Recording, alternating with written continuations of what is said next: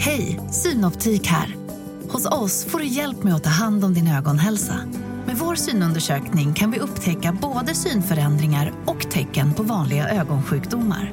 Boka tid på synoptik.se. Hej och välkomna till Lisa läser. Det är jag som är Lisa.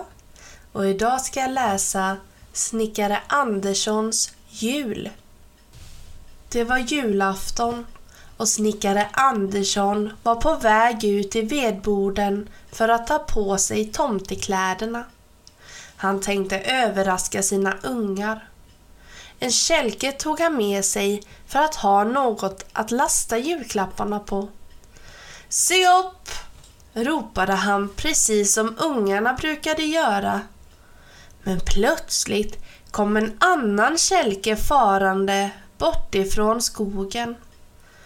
Båda kälkarna körde ihop och rullade huller om buller i en buske. Vad är du för en skojare? sa snickan till en liten man som drog den främmande kälken. Vet du inte att det är julafton? Och vet du inte att alla pappor brukar klä ut sig till tomtar den här kvällen? Jag skulle just ner i vedboden och sätta på mig min tomtedräkt. Men du tycks ju redan ha fått på dig din ser sa snickan. Du är väl ute i samma ärende som jag förstår jag. Och så räckte snickan fram handen och sa Andersson. Och den främmande räckte fram handen och sa Jag heter jultomten. Om du tycker som jag nu så går jag till dina ungar och så går du till mina. De stackarna har det inte för roligt på julafton. Hela kvällen sitter de i fönstret och väntar på att far ska komma hem. Ja, då får jag väl skynda mig och byta kläder då, sa snickare Andersson. Nej, aldrig på tiden, sa tomten. Mina ungar ser tomtar året om men en riktig människa som heter Andersson, det har de aldrig sett i hela sitt liv. Men jag har ju inget att ge dem, sa Andersson. Inte behöver du några presenter, sa tomten. Är du inte snickare du? Jo, nog är jag det, sa Andersson. Ta då med dig några brädbitar och en liten spik och en kniv kanske? Jo då, Andersson hade både brädbitar och småspik i vedboden. Följ nu bara mina fotspår in i skogen, sa tomten. Så tar jag din kälke och så lägger jag säcken på den. Sedan gick tomten upp mot huset där snickarens barn satt och väntade i fönstret. Och Andersson, han vandrade in i skogen. Han behövde inte gå långt, bara förbi två granar och en sten och en stubbe. Bakom stubben stack tre små toppluvor upp. Nu kommer han, nu kommer han! ropade tomtebarnen och sprang före honom bort till en kullvräkt träd. Där stod tomtemor och väntade. Nu kommer han mor! Så lång han är! ropade barnen. Lugna er barn, sa tomtemor. Man skulle kunna tro att ni aldrig sett folk förr. Men vi har ju aldrig sett en riktig snickare, ropade tomtebarnen. Välkommen och kom in snickare Andersson. Ja, varsågod och stig in, sa tomtemor och lyfte på en gren.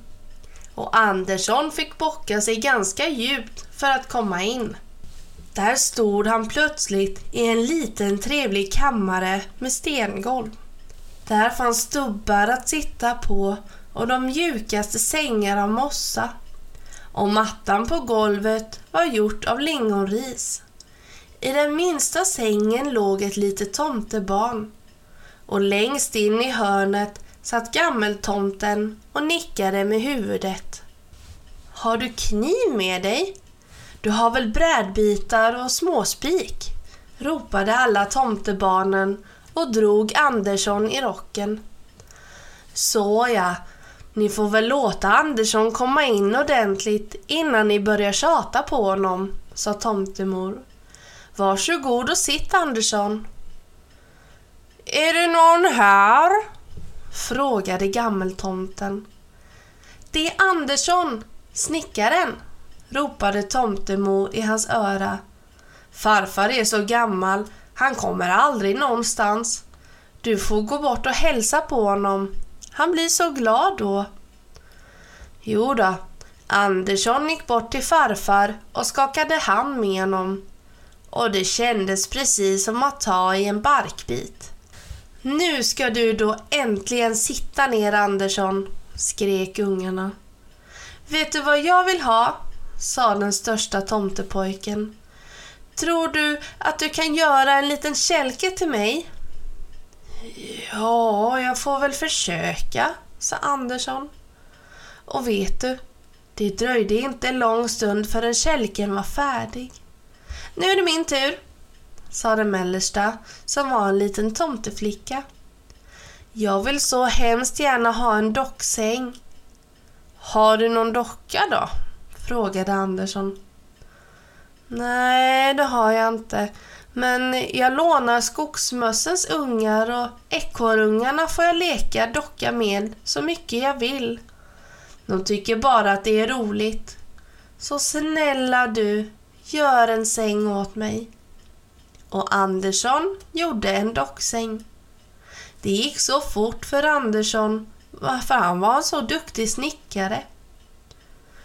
Men vad vill du ha då? frågade han den minsta tomtepojken. Jag vet inte, viskade pojken. Han var lite blyg han. Det vet han visst. Han sa alldeles nyss vad han ville ha. Talar du bara om det för Andersson? Han är inte farlig, sa de stora syskonen. Jo, jag skulle vilja ha en snurra, viskade minsta pojken. Ja, det ska du visst få, sa Andersson och gjorde en fin snurra åt honom. Tomtemor hade hela tiden stått och tittat på när Andersson snickrade åt barnen. Hon gömde något bakom ryggen. Och nu måste du göra något åt mor, ropade tomtebarnen. Nej, tyst med er ungar, sa tomtemor. Se bara till vad det är så ska jag göra det, sa snickaren. Jo, sa tomtemor och plockade fram det som hon hade bakom ryggen. Det var en gammal grötslev. Den var så flisig och sprucken att man inte kunde använda den. Jag stod och funderade på om du kanske skulle kunna laga den här. Ja, det blir allt svårt det, sa Andersson. Jag tror nog att jag hellre gör en ny slev åt dig. Och han tällde en ny slev åt tomtemor. När han var färdig med den började han tälja på en fin trädrot. Men han sa inte vad det skulle bli. Ungarna frågade och frågade, men Andersson svarade inte. När han hade hållit på en stund hade han gjort en fin käpp. Varsågod farfar, ropade Andersson och gick bort till gammeltomten med käppen. Till slut gjorde han den sötaste lilla fågel av flisorna som låg på golvet och den hängde han ovanför minstingens säng. Nej, men så mycken grannlåt, sa tomtemor. Och nu ska du ha tack tusen gånger Andersson. Tacka nu Andersson barn. Detta kommer ni väl att tala om i flera veckor. Tusen tack, sa han och räckte fram sin gamla hand som såg ut som bark. Men nu fick de höra något som prasslade borta vid dörren. Det var tomtefar som kom hem igen. Hur står det till här då? frågade han. Det ser då ut att vara bra tycker jag. Och du kan tro att dina ungar blir glada de också, sa tomten. Blev inte den minsta pojken rädd för dig? frågade Andersson. Nej, han trodde att det var du. Sitta i pappas knä, sa han hela tiden. Ja, nu får jag väl skynda mig hem, sa Andersson och så sa han god jul till hela tomtefamiljen och gick hem. Får jag se på era julklappar nu då, sa han till sina ungar när han kom in i stugan. De har du väl sett förut? De såg du väl när du var jultomte? skrattade barnen. Nej, jag har ju varit hos tomtebarnen och snickrat julklappar till dem hela kvällen, sa Andersson. Men det trodde inte hans barn på.